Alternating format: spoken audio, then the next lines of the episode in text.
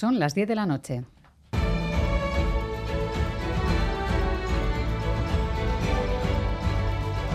Radio Euskadi y Radio Vitoria. Servicios informativos.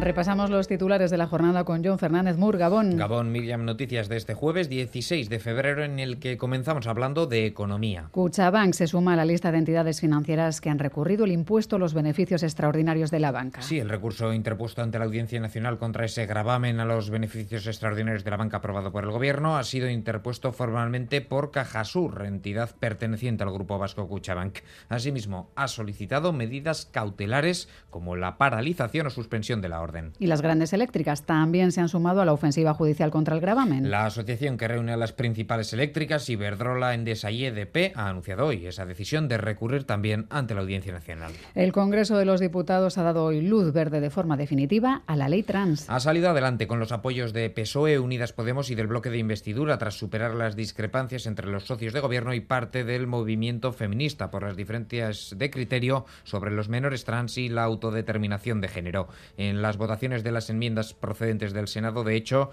se ha abstenido la ex vicepresidenta del Gobierno, la socialista Carmen Calvo. El texto reconoce la voluntad de la persona como único requisito para cambiar de sexo en el registro. En el caso de los menores de entre 14 y 16 años, deberán tener la autorización de sus progenitores o tutores y solo será necesaria intervención de un juez para el cambio registral cuando tengan entre 12 y 14 años. Y el Congreso también ha aprobado la reforma de la ley del aborto. Lo ha hecho con el apoyo de PSOE, Unidas Podemos, PNV, EH Bildu, Esquerra, la CUP y Más País y con el voto en contra de PP y Vox. Irene Montero, ministra de Igualdad.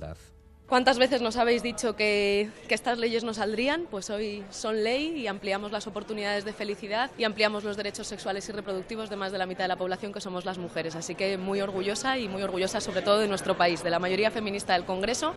La ley que permite, permite abortar libremente a las mujeres eh, mayores de 16 años durante las primeras 14 semanas de gestación elimina el requisito introducido en 2015 por el gobierno del PP que obligaba a las menores de 16 y 17 años a contar con el consentimiento de sus representantes legales. Establece el nuevo texto además los hospitales públicos como centros de referencia para esta práctica. En la clínica Scavide de San Sebastián están acostumbrados a las concentraciones de protesta de los antiabortistas. Sí, rezando, en vigilia, también insultando. De hecho, la próxima protesta está provista para la próxima semana. Ahora, con la nueva ley, esperan que no les dejen acercarse a menos de 100 metros. Naro, a Iturri, Ascavide.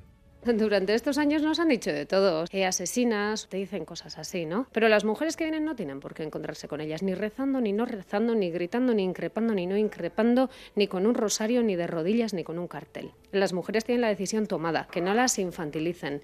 En cuanto a la reforma de la ley del solo sí es sí, la negociación entre los socios del Gobierno sigue sin avanzar. Y por primera vez, Pedro Sánchez ha admitido expresamente que si tiene que sacarla adelante con los votos del PP, lo hará. Igualdad asegura haber trasladado hasta siete propuestas al PSOE y en todas habría obtenido un no por respuesta. Irene Montero considera que ha cedido ya suficiente y mientras algunos socios habituales del gobierno, como Euskal Herria Bildu, ven un retroceso en la propuesta del PSOE. Declaraciones de su diputado Óscar Matute en Gambara de Radio Euskadi. La propuesta del Partido Socialista nos parece que supone un retroceso. Que al el Partido Socialista, para no volver a la literatura de la ley anterior, la que hablaba de la agresión y del abuso, diferenciándolos y estableciendo penas diferentes para ambos, pues lo que hace es hablar de agresión con violencia y agresión sin violencia.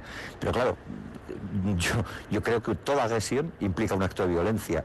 Y en Pamplona, un hombre de unos 40 años ha sido detenido acusado de agredir sexualmente a una niña de 8. La agresión sexual ocurrió en agosto. La policía municipal conoció los hechos a finales de año, a raíz de una de las charlas que el grupo de educación para la convivencia imparte en escuelas. En una de ellas estaba esta niña que contó a su profesora que lo que les habían explicado los agentes le había ocurrido a ella. Ahí comenzó la investigación que ha permitido identificar, localizar y detener al agresor. La jueza ha decretado su ingreso en prisión provisional, comunicada y sin fianza como autor de un delito de agresión sexual a una menor, penado con entre 10 y 15 años de prisión. Es todo. Así terminamos. Más noticias en una hora y en todo momento en itv.eus y en la aplicación ITV Albisteac. Geruarte.